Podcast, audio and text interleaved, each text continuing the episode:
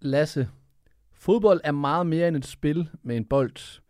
Det kan være med til at gøre en forskel, skabe fællesskaber og sammenhold, og så kan fodbold samle og begejstre. Synes du, landsholdet de lever op til det? Nej, de lever ikke op til deres ord i hvert fald. Professionel fodbold handler også om bare at håbe på det bedste. Hvis du sætter Martin Jørgensen helt op foran, så Brian og Michael ind, uh, ind midt for helt op foran, og Ebbe Sand helt op foran. Og Kasper Dahlgaard. Helt op foran med ham også. Today I feel gay. Det var blandt andet de famøse ord fra FIFAs præsident Gianni Infantino forud for den her VM-slutrunde i Katar.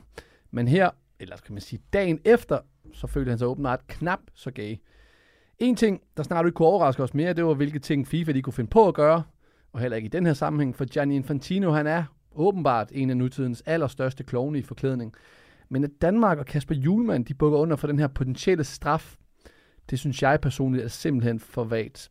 I dagens afsnit, der skal vi netop vende det her, som vi lige har snakket om nu her, og så skal vi gå øh, igennem Danmarks kamp mod Tunesien. Velkommen til, mit navn det er Sandro Spasojevic, og det her det er lige på. Og i dag, der har jeg dig, Lasse, Don Fonsi der venter jeg på den jo. Den kom lige lidt. Forsgaard Ja, jo, med. tak. Velkommen til. Jo, tak. Vi kan lige prøve bare at tage den, inden vi går i gang. Vil du uddybe den her med, at øh, fodbold er meget mere end et spil, men bold, det kan være med til at gøre en forskel, skabe fællesskaber og sammenhold, og så kan fodbold samle og begejstre. Synes du, at øh, de lever op til det nu her? Nej, det gør de jo ikke i forhold til, hvad de også selv havde udtalt inden. Altså, de, bliver jo selvfølgelig, de tog selvfølgelig til...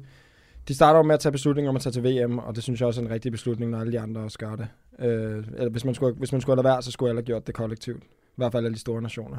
Men når man så siger, at man stadig vil blive ved med at kæmpe for, for de synspunkter, man har, og, og værdierne, om at være kompromilløse i det, tror jeg faktisk, de, de brugte som udtryk. Og så synes jeg, det er vanvittigt, at man, at man ikke går ud og laver den statement, man kunne have gjort, og stå på verdensscenen og få et gult kort inden kampen overhovedet startede. Det ville jo gå alle øh, ja, nyhedsmedier rundt i hele verden. Og der kunne man virkelig have, have vist, hvad man, øh, hvad man står for. Og i stedet for, så vælger man at ja, få kolde fødder. Og så lige pludselig så alle de der værdier, det man har snakket om, de var lige pludselig ikke så meget værd alligevel. Men synes du, altså synes du ud fra, lad os bare tage den her, det første synspunkt, det er, julemanden er ansat til, at, til det sportslige. Kan du godt forstå det ud fra hans vinkel, at øh, han tænker på, hvad det er, det vil svække hans øh, sportslige, kan man sige, kunne at kunne øh, slå Tunesien, hvis det er, at han får et guldkort på sit hold til at starte med? Ja, fordi det havde jo været skidt, hvis Danmark endte med at få... Altså det første gule kort har ingen konsekvenser, men det har det andet, hvis man får rødt kort, og så man ender med for eksempel at tabe til Tunesien, så vil det jo være rigtig skidt. Men det er jo svært at vide, hvem der er, der har taget beslutningen. Altså der sidder jo en, en organisation, som DBU nu er, med nogle folk i spidsen, som der formentlig er dem, som der har mest at sige. Og det er nok dem, der har taget den, og så kan, kan spillerne og trænerne øh, ja, enten gemme sig bag dem, eller være utilfredse med den beslutning, der er truffet. Så det er umuligt for os at vide, vi kunne kun øh, gisne om det, men jeg synes i hvert fald bare, at det har været meget federe, hvis de havde valgt at gå ud og vise det, specielt når de har sagt, at, at de ville gøre det. Så jeg synes, jeg synes, det er mega ærgerligt, og jeg synes, Danmark havde en fantastisk chance for at gå ud og virkelig vise, øh, hvad, de, øh, hvad deres værdier de var bundet op af, og i stedet for så ender man med at ja, ligne lidt nogle kyllinger. Hvordan tror du, det øh, harmonerer med den danske befolkning? Fordi at øh, forrige sommer, så var de jo øh, alle helte, øh, og med rette, efter det, der skete med, med Eriksen og den måde, de taklede det på, og så også, hvor langt de nåede i selve turneringen. Men det klinger da lidt hult, at øh, de siger alle de her pæne ting uden for banen, men når det så endelig gælder, så gør de ikke noget. Og så lad mig lige tilføje igen. Der var jo den her situation i 2018, hvor de strækkede på grund af øh, de uenigheder, de havde gang i, og det var på, på, på vegne af egne vilkår i forhold til øh, bonus, øh, penge, alt sådan noget, for at deres egne vilkår skulle blive bedre. Der var de villige til at strække. Nu når det handler om andres vilkår, så er de så ikke villige til at, til at kan man sige, at gå på kompromis med nogle af deres, øh, her i det her tilfælde, et gult kort.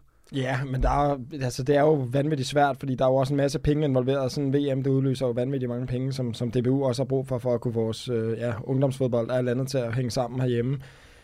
Det er jo bare et lorte VM på den front, rent øh, politisk. Og Men nu er man jo taget derned. Det er det.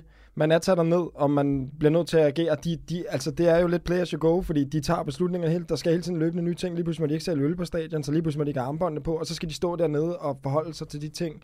Og ender med måske at skulle tage nogle hurtige beslutninger, hvor det ikke lige bliver gennemtænkt. Jeg, jeg føler jo, at spillerne i hvert fald er lidt fanget det her. Jeg tror ikke, de har vanvittigt meget at sige, og jeg tror også, at jeg, jeg synes jo bare, det havde været nemt bare at give anførbindet til en eller anden, som der ikke lige var den i kæmpe fare for at få gule kort. Lad os sige en øh, Christian Eriksen, som ikke lige er kendt for det, en, måske en Dolberg eller noget, den dur. Og så få det gule kort, og så virkelig vise, man stod sammen. Men altså, man kan jo sige, at beslutningen var jo allerede taget af de klubber, der var gået sammen om at beslutte det inden. Så det havde måske også virket lidt usolidarisk, at Danmark så lige, lige pludselig vælger at gå imod det. Men havde det også det, fordi at, at man kan sige, de går jo ikke rigtig imod, de viser jo bare fanen. Det er jo ikke fordi de andre så der er jo nogle relationer der, der også bliver plejet, men jeg synes bare, det virker, altså jeg synes, det virker så tåbeligt, og jeg synes, det havde været så fedt, hvis alle de hold bare har stillet op og fået det gule kort. Jeg synes, det er svært at vide, hvad folkestemningen er. Der er ikke nogen tvivl om, hvis vi læser på Twitter, så er der jo rigtig mange journalister og fodbold, øh, lad os kalde dem eksperter og så videre, som der kommer med meninger om det. Og de vil jo alle sammen synes, at det er ja, hyggeleri. Men hvis du går ud og spørger en øh, stille og rolig landmand øh, i Jylland, hvad han synes om det, så aner det ikke. Altså, det er umuligt at vide. Jeg tror, der er så mange delte holdninger om det her. Og det er jo bare... Jeg synes også, det er pisse at vi skal sidde og snakke om det hele tiden. Mm. Fordi at det er jo ikke det, vi vil jo. Vi vil jo gerne bare sidde og nyde fodbolden, men det er jo bare katastrofalt VM på den front. Men forstår du godt dem, der bare tænker, at nu er de taget derned? Øhm, jeg tænker jo så, nu er de taget derned. Nu har de platformen til at skulle vise nogle af de budskaber, altså som de også har sagt, de gerne vil bruge den her platform til. Men forstår du så omvendt dem, der bare tænker, nu er de taget derned, nu skal de fokusere på fodbolden? Ja, det kan jeg også godt forstå. Og det er også derfor, det er så svært. Jeg er selv splittet. Jeg tror selv, jeg har vandret mellem den ene og den anden mening flere gange. Så det er, det er kompliceret. Men altså, da jeg så så Iran spillere, hvad de gjorde, og Jamen, det kæmpe, det. kæmpe props til dem. Altså, at stå op for deres, øh, ja, deres medmennesker i deres nation, og risikere meget mere end et gult kort, så virker det helt sindssygt, altså komisk, tragikomisk, at danske spillere så ikke, øh, eller ja, Danmark og de andre nationer ikke vil have et gult kort. Og jeg, jeg var jo ved at dø af grin, da jeg læste Peter Møllers øh, kommentar, da han blev interviewet af Cecilie Bæk, hvor at... Hun han, sætter ham på plads. Ah, men det var altså helt seriøst. Det kunne, altså, jeg tænker, det er umuligt. Bliver han ikke preppet inde på, hvad han kan blive spurgt om? Fordi at, han vil jo sige, at det ikke er nogen sportslige konsekvenser for dem, at de gør det. Nej, nej, men der har meget større menneskelige konsekvenser. Altså, de, de, vil komme over, de ved ikke engang, hvad de kommer hjem til. De ved ikke, hvad de kan finde på, det regime, der er der. Så derfor så er det jo altså vanvittigt. Og der kan man godt sige, altså udad til, der ligner de europæiske nationer, at de er nogle kujoner, og alle de der ting, de har sagt, det var tomme ord, hvor de iranske spillere, de virker som rigtige helte. Men skal vi lige prøve at høre, hvordan øh, det klip, du refererer til med Peter Møller og Cecilie Bæk?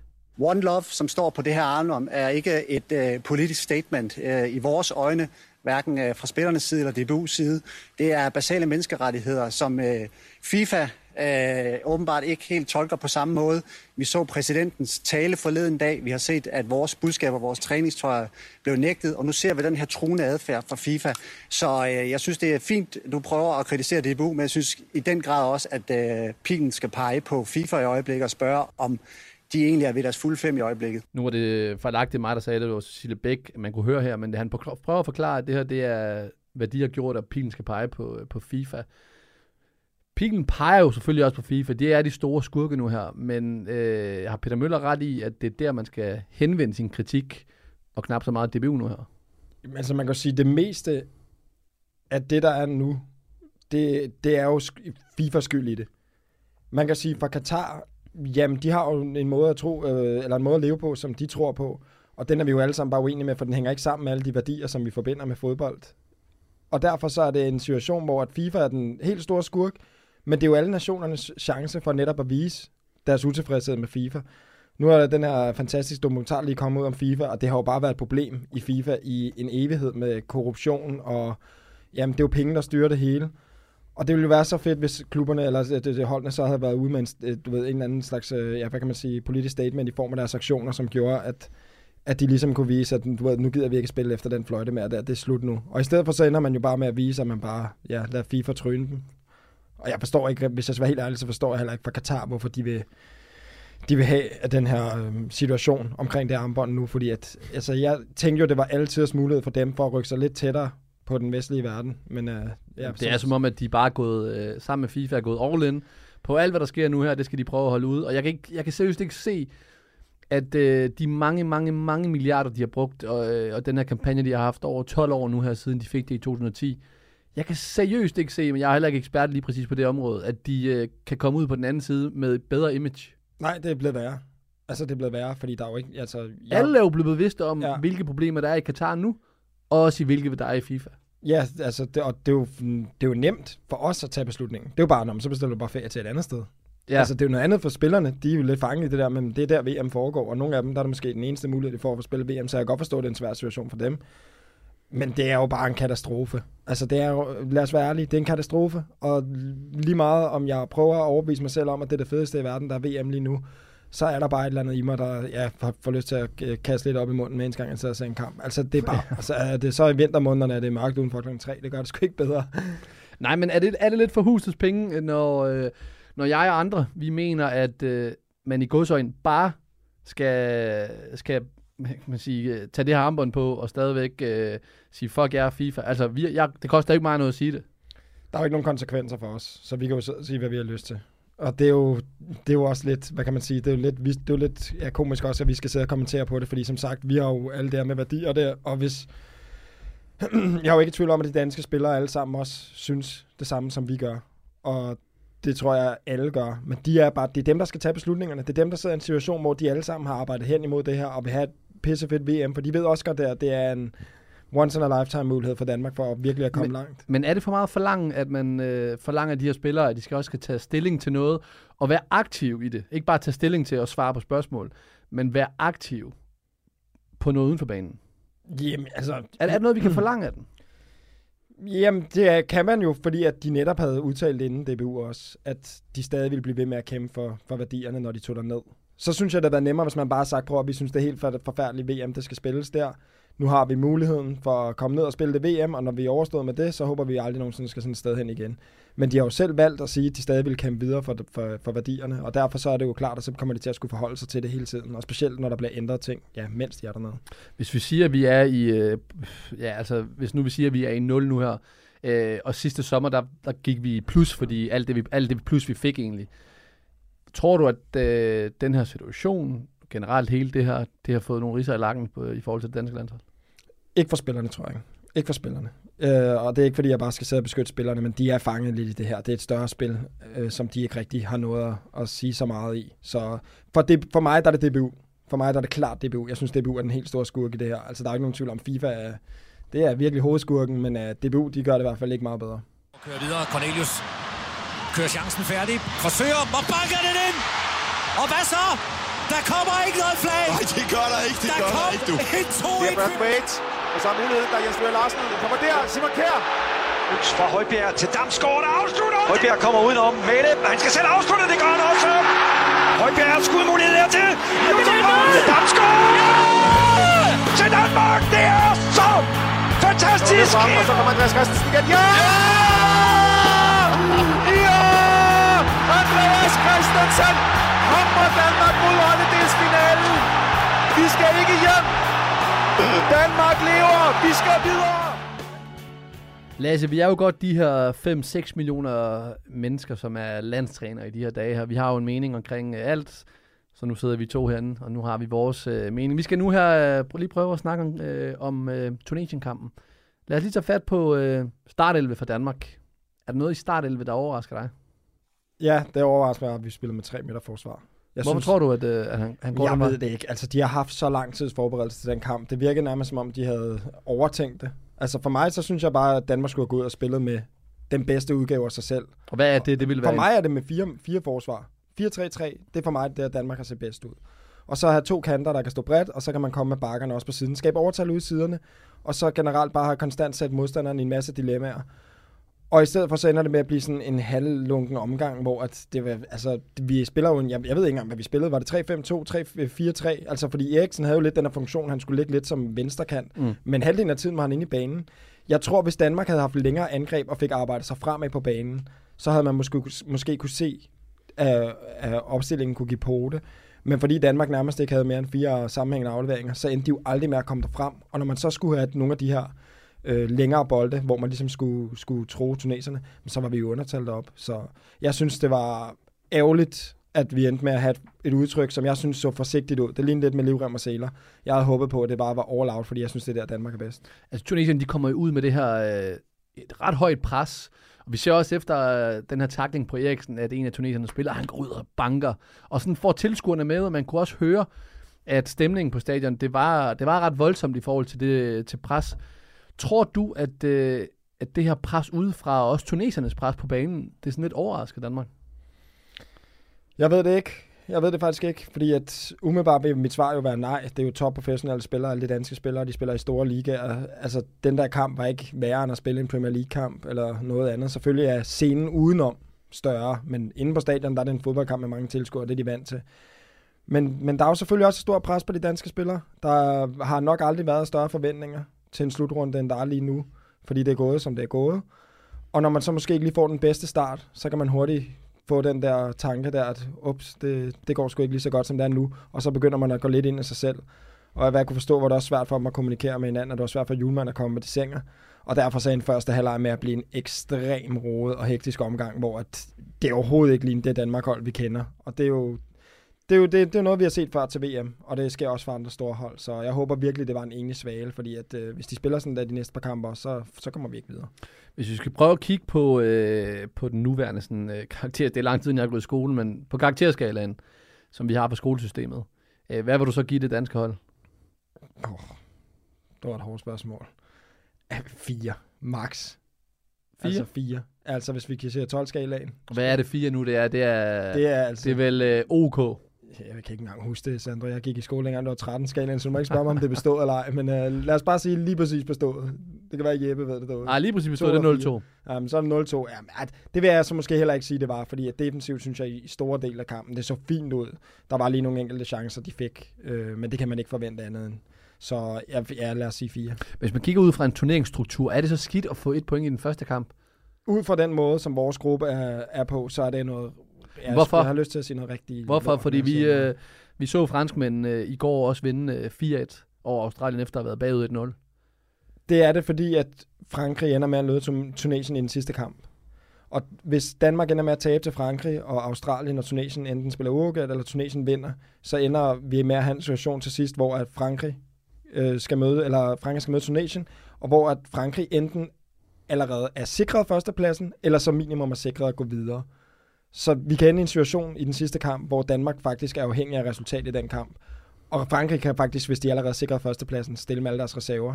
De skal så nok stadig have en god mulighed for at slå Tunesien, men det er jo bare ikke det, man havde regnet med, at Danmark skulle stå i den sidste kamp og være afhængig af et andet resultat. Så det, Men det er stadig mange visser. der er mange visser, Altså, og, og, men der er Aha. bare kæmpe forskel på at skabe i sin egen hænder. Og det har Danmark jo stadig nu, men der er jo ikke nogen tvivl om, at vi skal jo heller ikke se os, altså vi skal ikke se os for sorte på Danmarks situation. Møder vi Frankrig, som vi har haft det godt med på det seneste. Så derfor har Danmark stadig skæbnen i egen hænder, men det, vi skal i hvert fald gøre alt, hvad vi kan for ikke at tabe den kamp mod Frankrig, så vi, vi er i hvert fald har skæbnen nogenlunde. Hvordan tror du så stemningen er lige nu efter, efter første kamp frem mod anden? Også i forhold til øh, julemanden og den startopstilling, der venter fremad. Ja, det er jo et godt Fordi, spørgsmål. vi, fordi at nu, altså det, jeg vil, så vil spørge dig til, det er, hvem skuffede dig egentlig mest? Altså for mig, der, jeg synes, der var flere, men jeg vil sige, en spiller som Dolberg, det var jo lidt det, jeg havde frygtet. Altså han var stort set usynlig hele kampen, han rørte stort set ikke bolden. Han har ikke farten til at kunne, kunne sætte sin modstander, og når vi så ikke, og det er også en kæmpe del med holdets øh, præstation at gøre, men han kom jo aldrig rigtig i nogen farlige situationer. Og det er jo, altså, har angriberen, som mange af målene skal komme fra. Men du kan tage andre med i den der også. Skov Olsen fik heller ikke det bedste ud af det, og Ja, Men Skov Olsen bøder vel også for, at øh, det her wingback-system, med, med, nu vi kører med tre øh, helt bag i to wingbacks, Rasmus Enko ude på højre bak, som skulle være med til at skabe det her overtal over i Skov Olsens side, han kommer jo overhovedet ikke med frem. Nej, men det er jo fordi... Og så vi- bliver han jo lige præcis ikke, den er så udnytter man ikke det offensive i ham, men det defensive i ham er måske ikke, øh, eller hvad skal man sige, også rutinen, eller det gode på bolden, som Daniel Vass har, det får man så heller ikke med ham. Så det bliver sådan en, en, en in-between. Ja, altså jeg vil sige, umiddelbart som wingback, så synes jeg jo ikke, at Nissen er den bedste, vi har på højre bakke. Hvem er det? Det ville være Vass eller Stryger, altså vil jeg synes var bedre Hvem spillere. er bag? Ja, bag også selvfølgelig, det er helt vildt, jeg kan glemme ham. Men det er jo selvfølgelig også igen, han er jo sådan en, vi alle sammen har kæmpe høj stjerne til, fordi han har gjort så godt, han har gjort det, men han har jo ikke spillet meget på landsholdet. Men ja, du har fuldstændig ret, bag vil være et helt oplagt eksempel også. Men jeg synes jo bare, det er ærgerligt, som sagt, at en af styrkerne for Danmark, det har været det her med at skabe, over, skabe overtal ud i siderne, og så har du kanter, som der spiller med den ja, ja, fejlfod, skal vi sige, så de kan trække ind i banen, og så kan man få bakkerne flyvende rundt om. Men vi kan ikke kun give det taktiske ja, øh, oplæg øh, skylden i forhold til, hvordan Danmark skulle spille. Fordi det har jo også noget at gøre med, at Danmark aldrig kommer i de gode situationer, fordi vi aldrig får arbejdet os fremad på banen. Vi er ikke særlig gode til at bryde linjer. Vi er ikke særlig gode til at have længerevarende possession. Vi spiller slet ikke hurtigt nok til, at vi kan få modstandernes øh, straffet lidt på deres sideforskydning. Og derfor så ender det med, at hver eneste gang vi enten kommer frem eller ud i en side, så står de allerede på plads, fordi mm. det er gået for langsomt. Det gælder om at fange dem, og så spilmæssigt var der jo også ekstremt mange ting, der bare var langt under Danmarks standard. Men det er jo også, om man ser glasset halvt tomt eller halvt fyldt i forhold til, tuneserne spiller også en pragtkamp. De, langt hen ad vejen. De var jo så tilfredse med en uafgjort, og det kunne man også se. Og det er jo også klart, at det blev jo meget en duelkamp. Og de er rigtig stærke, det viste de. De var sindssygt stærke fysisk. Der kommer Danmarks spillere lidt til kort. Og derfor så får de jo energi for hver eneste gang, det lykkes. Og når man så sender, ja, man kommer ned til halvleg, og Danmark nærmest ikke har haft en chance, det havde de vel ikke i første halvleg, så er det jo klart. Så har man lige pludselig en god fornemmelse, og det giver jo også bare endnu mere energi. Hvor hvis man har følt, at man har løbet rundt i 45 minutter, så, så frygter man lidt at komme ud igen, når kampen bliver flot om. De to øh, nærmest bedste danskere, det var vel øh, Arnis Ben Slimane og Isam Jabali? Ja, de gjorde det i hvert fald rigtig fint. Jeg synes, de gjorde en rigtig god figur. Man kan så også sige, det er jo også noget med forventningsniveau at gøre. Vores forventningsniveau til Danmark, det er tårnhøjt. Vi har været forkælet af fantastiske præstationer så længe. Og det er også derfor, jeg hele tiden har lidt det der i baghovedet. Nu har jeg selv spillet jo i mange år med at altså, alle hold kan spille en dårlig kamp. Og det her, det var bare ikke en god kamp for Danmark. Så, kan man Men så er det vel det. stadig meget godt at få et point? Ja, det er det jo bare ikke, når man kun har tre kampe i gruppespil, og Tunesien er et hold, som på papiret i hvert fald er langt dårligere end Danmark, så det vil altid være en skuffelse. Men altså, nu så man også, ja, Argentina tabe til Saudi-Arabien, mm. så det kunne sagtens have været værre. Jeg tror bare, ligesom danske spillere er skuffet, så er vi også alle sammen pisse skuffet, fordi vi har så høje forventninger til dem, fordi de er sindssygt dygtige. Så, men som sagt, det var en kamp, nu er vi to tilbage, og så må vi jo bare gøre det bedre i næste kamp. Hvem synes du så var, øh, var blandt de bedste danskere? Jeg synes jo, Damsgaard gjorde en kæmpe forskel, da han kom ind. Jeg så ham på bolden ekstremt mange gange. Man ser ham sætte modstanderen i dilemmaer hele tiden i forhold til, at nogle gange så falder han helt ned og får den på siden. Øh, andre gange så får han bolden, hvor han har en, en bak, som har lyst til at gå op i pres på ham. Men så fik vi lidt den der timing, hvor bakken kom på samme tid, og så ender bakken med at bakke af og så kan mm. Damsgaard tage den med ind i banen. Og så ved vi jo, at han har et godt blik. Så fik vi skiftet spillet nogle gange. Nogle gange fik vi fundet nogle afleveringer. Vi fik spillet op på corner også. Så jeg synes jo, at Damsgaard, han, han viste de kvaliteter, der gjorde, at vi, jeg, man kunne se, at hvis der skulle komme noget, så var der stor sandsynlighed for, at det skulle komme fra ham. Og inden da, der havde sad man jo nærmest at skulle lede efter, hvordan, hvordan vi skulle skabe chancer. Og det er også det der med, at som vi to også snakkede om på et tidspunkt, at Damsgaard, han har noget af det, som de andre ikke har. Han har de her, han kan finde de små rum, han kan, han er, hans relationelle færdigheder med de andre spillere er på et andet plan end mange af de andre spillere. Men har han ligefrem spillet så godt, at du synes, han skulle starte ind i næste kamp? Ja, 100%. Også selvom det bliver mod et fransk hold, der, øh, der må formodes at være det mest boldbesiddende i den kamp. Ja, altså jeg synes jo, og det er det, der er lidt svært, for jeg havde faktisk regnet med, at Danmark bare ville spille deres eget spil i første kamp, og så gå ud og spille en lidt mere taktisk kamp mod Frankrig. Men nu er vi lidt måske tvunget til, at vi skal gøre det omvendt, fordi nu var det første kamp blev måske, ja, der var lidt for meget uh, taktisk hurlum i forhold til skævvridning, og jeg ved ikke hvad. Så, men nu skal vi møde Frankrig, og dem skal vi absolut have respekt for. Der bliver man nødt til at ja, ligesom indstille sig på modstanderen. Men jeg synes, Damsgaard, altså han giver bare noget til det danske hold, som der ikke er mange andre, der gør. Jeg synes også, det var lidt ærgerligt, at en spiller som Skovolsen, han ikke ender med at blive sat i scene overhovedet. Fordi at vi ikke, som sagt, ender med at få sat ham i nogle en mod en situationer. Og Damsgaard er jo en helt anden type spiller end Skovolsen. Han er jo øh, han lever jo meget på sin fart også, hvor Damsgaard, han er jo bare generelt, altså han har jo nogle, nogle ja, jeg tror min far sagde det, han har nogle lækre hofter. og alle ved, hvad det, det Og dem er der ikke mange af på Danmarks hold, det er der faktisk ikke. Nej. Altså Eriksen har også lidt med, at han lige kan lave noget med hoften, ikke? men øh, der må man jo bare sige, at, at han har noget, øh, nogle kvaliteter, som der gør i sådan en kamp, hvor man er svært ved at bryde modstanderen op. Der er det ham, der kan gøre det, ja, hvad skal vi sige, exceptionelt. Hvad betyder det frem mod, hvis vi kigger frem mod øh, kampen mod øh, Frankrig, Thomas Delaney? Det er jo netop på grund af, Dams, Damsgaard kommer jo ind i, øh, i stedet for en, en skadet Delaney. Men hvad betyder det, tror du, for fremadrettet, at Delaney måske er skadet? Gjorde det egentlig ikke noget, måske noget godt for det danske spil, faktisk? At vi brød den her det defensive. Fordi hvis jeg kigger ned over, over holdopstillingen, som du selv kritiserede, vi bruger jo tre stopper, samtidig med, at vi har en Delaney også. Så vi har reelt set fire defensive spillere, som jo reelt set ikke skaber ret meget. Altså, de bryder ikke linjer, som du selv siger. Så gør det overhovedet noget skidt, at han måske er ude til, til kamp mod Frankrig? Jeg tror at mest det er skidt, fordi at Frankrig-kampen netop var den kamp, hvor han ville komme mest til sin ret.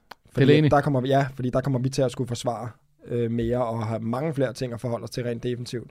Og han er en sindssygt klog forsvarsspiller, han er sindssygt klog til at tage de rigtige positioner, han er dejlig aggressiv, klog, god, god til at vide, hvornår han skal bakke af, hvornår han skal gå ind i duellerne, så ja, det er absolut et tab for Danmark, hvis han ikke kan være klar til den næste kamp. Og specielt fordi, at en Christian Nørgaard for eksempel, som også vil kunne varetage nogle af de opgaver, han jo også har siddet ude i lang tid.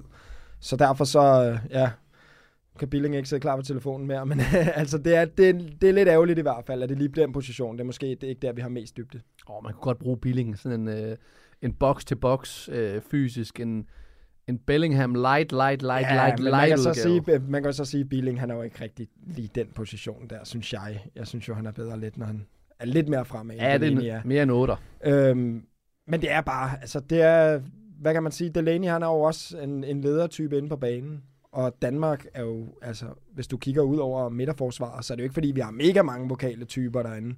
Så det er jo lidt mm. et, et tab, det er klar. Men lad os nu se. En anden leder, det er jo øh, Simon Kjær, der bliver skiftet ud i, i anden halvleg. Skal vi ligge noget i det, at det er ham, der, der bliver skiftet ud? Nej, altså jeg var helt sikker på i hvert fald, at det ville blive ham eller Joachim Andersen. Fordi at hvis der var noget, som de kunne tro med tuneserne, så var det deres fart. Øh, og der var ikke nogen tvivl om, at Andreas Christensen, det er i hvert fald ikke ham, man skal tage ud, hvis man, vil, hvis man beholder noget fart på banen. Fordi jeg kan huske på et tidspunkt, der kommer en situation, hvor han kommer ned og laver en takling, hvor han jo overhaler Joachim Andersen med 7 meter. Mm. Altså, bare, er... bare løb jo for Joachim Andersen. Jo, de har bare løbet for Joachim Andersen med bolden, og så kom Aha. Øh, Andreas Christensen så ligner det var en øh, voksen mand, der løb mod en ja. øh, 10-årig, fordi han er jo bare, altså, han har jo den fart, der gør, at man også tillader sig at spille mere offensivt, fordi at man tænker, vi kan godt tage vores mand mod mand nede bag i. Og der virker det som om, at vi spillede lidt mere forsigtigt, fordi vi jo stadig skal beskytte vores forsvarsspillere. Altså man kan jo ikke ligefrem sige, at vi, øh, at vi ikke havde chancen for at score. Andreas Cornelius' chance. At det, hvad skal man sige? Er det årets afbrænder? For Danmark er det i hvert fald, fordi at det var... Jamen for ham, altså det er jo nærmest livets afbrænder for ja, ham. Ja, og det, det, ja, altså, det hvad, hvad ikke... tænker han på? Fordi nu, jeg du tror... har scoret fire mål i din karriere, som jeg lige husker det, Nej, ja. for Lyngby. Så du kan jo ikke ligefrem snakke om, men, men det han laver der, et eller andet sted er det som om, han Ja, jamen, altså for, bange mig, for... for mig, for mig ligner det. Jeg, jeg har så scoret mere end fire mål, vil jeg sige. Det var i Superligaen. Så... Nå, jamen, det var det, jeg mente. Superligaen. Jeg, jeg, jeg vil sige, jeg er, jo ikke, nej, jeg er jo ikke angriber. Men jeg kan jo godt se, at det, der sker, det er, det ligner, han er lidt i tvivl om, hvad han skal afslutte med. Fordi den ligner, den kommer lidt midt imellem det hele. Skal han afslutte med maven? Skal han afslutte med låret? Skal han afslutte med hovedet? Så det ender med, at han sådan står lige og vurderer, hvordan kommer bolden til at ende til mig. Og så han så reagerer, så bliver det for sent, og Stolpen er der også, og er han lidt bange for den? Det tror jeg ikke. Altså, jeg tror ikke, han er bange for Stolpen. Men det ender med, at han, tror jeg, fordi han, han lige vil analysere, hvordan bolden kommer til ham, at han ender med at tage en alt for forhastet beslutning, så det bliver sådan lidt en blanding. det er jo vanvittigt ærgerligt. I forhold til alle statistiknørder derude, så må sådan noget på expected goals... Og det havde, bare været, det havde bare været et vigtigt mål. Og så har vi kunne sidde ja, her med, med smil på læben og sagt, at det hele er godt. Det var ikke det bedste, men vi vandt. Så det, ja, det er pisse ærgerligt, og både for ham og for landsholdet. I forhold til det her med at, at reagere, en spiller, som øh, jeg synes var blandt øh, Danmarks dårligste, det var Kasper Dolberg. Altså han har jo den her kølige måde at være på, og... Øh, og jeg synes, man skal jo ikke lave om på en person, det skal man ikke, fordi det er den måde, han er på, og det er også det, der gør ham god, når han er god. Problemet er bare i sådan en kamp her mod Tunesien, hvor der er ikke rigtig spillemæssigt, fungerer ikke rigtigt for ham.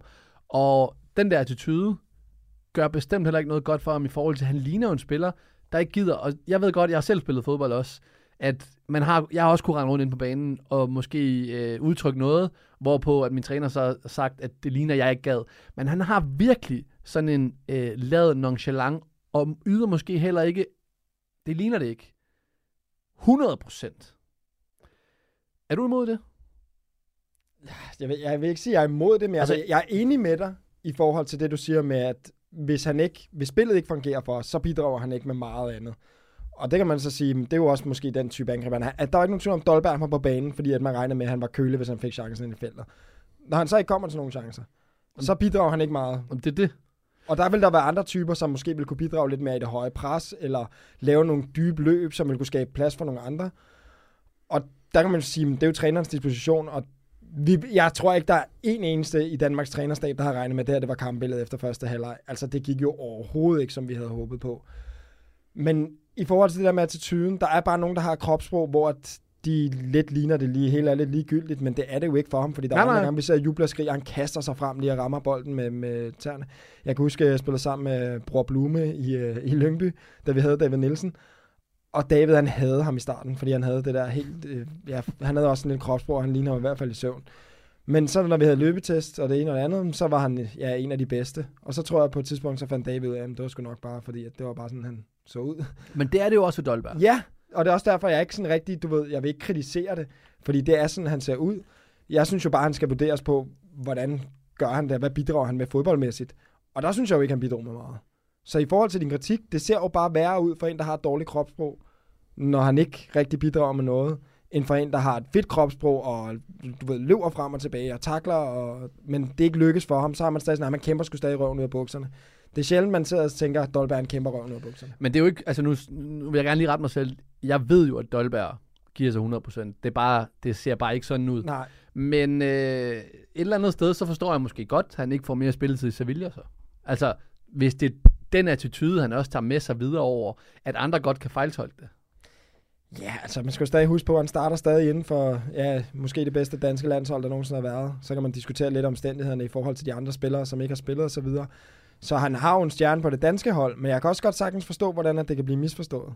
Og det er jo også det, jeg tror, du snakker lidt om, for folk, der sidder derude og kigger i fjernsynet og sidder og tænker, det her det er en liv og død for et kamp for Danmark. Og når man så sidder og kigger på ham, så kan man hurtigt blive lidt træt af at se på attituden. Men det vi prøver ligesom at komme frem til, det er jo, at der er jo ikke nogen attitude. Han har bare nej, ikke nej. rigtig så meget. Altså, han er jo ikke en... Han er jo ikke, der er ikke noget spændt til, hvor mange Dolberg overhovedet. Og det skal der måske heller ikke nej, være. Det er det, det der har bare, gjort ham til Dolberg. Det er jo bare 120 i puls konstant hele kampen. Hverken nedenunder eller ovenover. Det er bare det samme hele tiden. Det er steady as you go. Altså det er virkelig bare Ja, det er hvilepulsen. og det er både for det gode og det for det dårlige, altså de der 120 i puls. Ja, det er også derfor, han måske er en, som ikke lader sig påvirke så meget af omgivelserne, fordi han ikke rigtig tænker så meget over det. Han er bare en af de der, der bare, han spiller bare fodbold og alt andet øh, begivenheder og alt andet rundt om. Det er ikke noget, han, han lægger så meget mærke til. Og så er han typen, hvor han scorer dem, så er han helten, og når han ikke gør dem, så tænker man, nej, hvor er også træt af at se på ham. Så det er jo, det er jo hans lod. Det er, Dol- det er Kasper Dolberg i en, øh, altså det er virkelig Kasper Dolberg, du får øh, forklare kort der. Så kigger frem mod, øh, mod kampen på lørdag mod Frankrig. Hvem, øh, lad os bare sige, tror du, han går tilbage? Eller tilbage, han har jo sådan lidt skiftet mellem øh, de her formationer. Men hvad, hvilken formation tror du, han vælger? Jeg tror, der er god sandsynlighed for, at vi ender med at spille med tre bag igen. Igen? På grund af Frankrigs offensiv. Nu så vi den lige her. Tror du så, det er de samme tre, han vælger? Ja, for jeg synes siger for sig, at det er de rigtige midterforsvar, der mm. Det, det havde jeg overhovedet ikke noget problem med. Det var mere bare, at når vi har en kamp, hvor det er os, der skal ud og dominere på bolden, og vi skal score mål, og vi ved, at vi møder en modstander, der formentlig vil være fint tilfreds med en uafgjort, så synes jeg, det er os, der skulle gå ud og spille på vores præmisser, i stedet for på Tunesiens præmisser. Men omvendt mod et hold som Frankrig, der er det ikke altid, vi kan få lov til at bestemme, at det bliver på vores præmisser. Det havde jeg håbet, vi kunne mod Tunesien, men mod Frankrig, der må vi bare acceptere, at vi møder en modstander, der er så god. Så hvis vi spiller naivt, eller tror, at vi bare kan gå ud og blæse derud af, så kan vi godt få en røvfuld. Og det vil være helt katastrofalt jo. Men, så, men vi, vi skal faktisk sige, at de kampe, eller de andre gange, hvor vi har mødt Frankrig, der, der har vi, fire, ikke? Jamen, der har vi faktisk også spillet det her med på egne præmisser. Altså, der har jeg sgu været imponeret over, i forhold til, hvordan Julemand, han har, han har taklet det på, det der med at sige, okay, men vi har, vi har også noget med fra, fra vores egen side, hvad vi er gode til, det bringer vi, og så må franskmændene reagere på det. Og mod Frankrig sidst, der spillede vi med fire. Vi spiller med fire bag i sidst mod Frankrig. Og ja. det, er også, du ved, det kan godt være, at det har farvet mig også lidt i forhold til, hvornår jeg synes, Danmark er bedst. Og det var også derfor, det æder mig, at vi ikke spillede med fire bag i. Fordi at igen, det her med formationer, du kan altid finde øh, fordele og ulemper over for den ene system, der vil pladsen være her og her. Og det er lige meget, hvad for en formation du stiller over. For der er ikke en perfekt formation til modstanderens øh, anden formation. Det vil altid være flydende, og det kommer an på, nogle roller spillerne har på banen, og nogle spillere du har udover det. Så derfor så ærger det mig så meget, at vi virker som om, det virker som om, vi havde lidt for meget respekt for Tunesien. Og det virker som om, at det der mod og fuld fart frem, det, var, det blev lidt mere håndbremse. Og det, det var det, der adede mig. Og mod Frankrig nu, mm, der, ja, måske skal vi bare gå ud, give den fuld gas, 4-3-3, som vi gjorde sidst mod Frankrig. Og så ja, gå ud og prøve at frustrere dem også lidt, fordi Frankrig er jo et hold, der gerne vil have bolden meget også, og de, man kunne se, at de var frustreret sidst mod Danmark også. Fordi at, øh, der er ikke nogen tvivl om Frankrig, de har kæmpe respekt for Danmark man kan sige, at forskellen i topfodbold er vel heller ikke større, end at Danmark øh, ikke skal ramme topniveauet, og så skal Tunesien ramme topniveauet, og så er man rimelig, øh, rimelig lige. Ja, Men, vi skal øh, ikke gøre Tunesien dårligere end ja. Ej, det er præcis. godt hold, det er et godt hold, og det er alle hold til VM, minus Qatar. så derfor så øh, skal vi jo heller ikke få det til at lyde som om, det er verdens undergang. Det er bare, det, det, jeg tror mest af, at folk er ærgerlige over udtrykket for Danmark. Resultatet er, hvad det er. Hvis vi kunne have brændt 10 kæmpe chancer, og det så ville man bare sige, om det var sgu bare ikke i dag. Men det er det der med, at det virkede som om, at det virkede lidt som Mm. om, at vi ikke rigtig gav den chancen. Hvis du, du, du blandede lidt i forhold til, om det skulle være fire eller tre. Du tror, de går med tre. Øh, eller du tror måske, de går med fire? Altså, jeg håber, de går med fire i bagkæden. Okay. Fordi jeg synes, Danmark er bedst, når de spiller 4-3-3. Hvem skal så spille højre bak? Det vil jeg stadig sige, Nissen skulle. Jeg vil sige, en firebakkæde, synes jeg, Nissen er den bedste højre bak, der er. I, så lad mig sige, i forhold til de øh, spillere, der startede ind i kampen mod Tunesien, hvem skal ud i forhold til dem, der skal starte mod Frankrig? Jeg synes, at Joachim Andersen skal ud. Og så synes jeg, at vi skal have Damsgaard ind på venstre kanten. Så Okay. hvis vi spiller med 4-3-3, Yes. så tager vi en, en forsvarsspiller ud, Ja. og putter en rigtig kant op, og så kan Eriksen ligge på den 10'er plads, hvor han er bedst. Så du tror ikke, det betød noget, at Simon Kjær han røg ud? Nej, ikke nødvendigvis. Det er jo svært at vide. Altså, jeg synes ikke, det var, fordi Simon Kjær spillede en helt forfærdelig kamp på nogen måde. Jeg synes, alle tre midterforsvarer gjorde det stabilt, uden at være prangende. Og Kri- jeg synes, Andreas Christensen var, var den bedste af dem, og Andreas Christensen er uden sammenligning den første på holdkortet i Danmarks centrale forsvar. Hvis du spørger mig i hvert fald. Mm. Så Simon Kjær har også en, en vigtig funktion i forhold til hans, hans lederskab. Og hvis vi kigger på det sidste, ja, lange stykke tid, så har Joachim Andersen gjort det glimrende, men nu er det jo bare landsholdet, og de har jo også det her hierarki, og dem, der ligesom er øverst der, der er Simon Kjær helt i toppen. Hvad med Jobbe? Skal han starte ind på, øh, på en kant?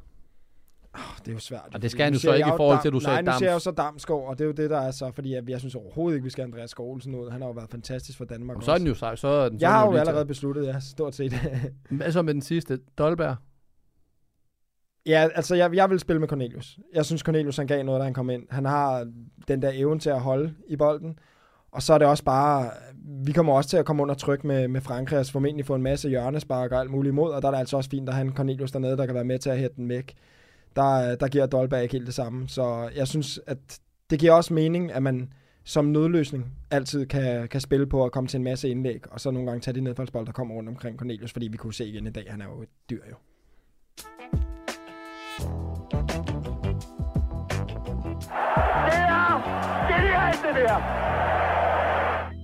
Don Fonti, inden vi øh, lukker af for i dag, har du noget øh, på dit sats på, som øh, noget nyt, nogle spillere, man skulle have med? Hvordan er det gået i dit hold? I have nothing to say.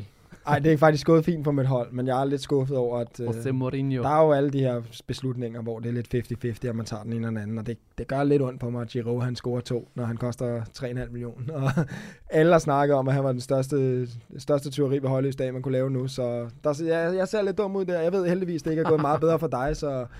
Men øh, ej, vi, øh, vi, øh, har jo, vi øh, kører jo torsdag aften, der må vi lige øh, gå videre til næste runde, og så må vi se, hvad for nogle lækkerier jeg skal finde frem. Men øh, torsdag aften, der, der har vi et, øh, et afsnit, hvor vi gør status over runde 1, og ser, hvad vi kigger frem mod runde 2. Fedt, det glæder os til. Så altså derude, tune ind på øh, Satsbo torsdag aften. Her i Ligepo, der er vi altså tilbage igen. Øh, fredag er det så, og indtil da, hasta la vista. Professionel fodbold handler også om bare at håbe på det bedste. Hvis du sætter Martin Jørgensen helt op foran, så Brian og Michael ind, uh, ind midt for helt op foran, og Ebbe Sand helt op foran. Og Kasper Dahlgaard. Helt op foran med ham også. one 800 flowerscom is more than your birthday, anniversary, or just because gift giving destination. We put our hearts into everything we do to help you celebrate all life's special occasions with friends and family. From our farmers and bakers, florists and makers, everything from 1-800-Flowers is made with love every step of the way because we know that nothing is more important than delivering a smile. To learn more, visit 1-800-Flowers.com slash ACAST. That's 1-800-Flowers.com slash ACAST.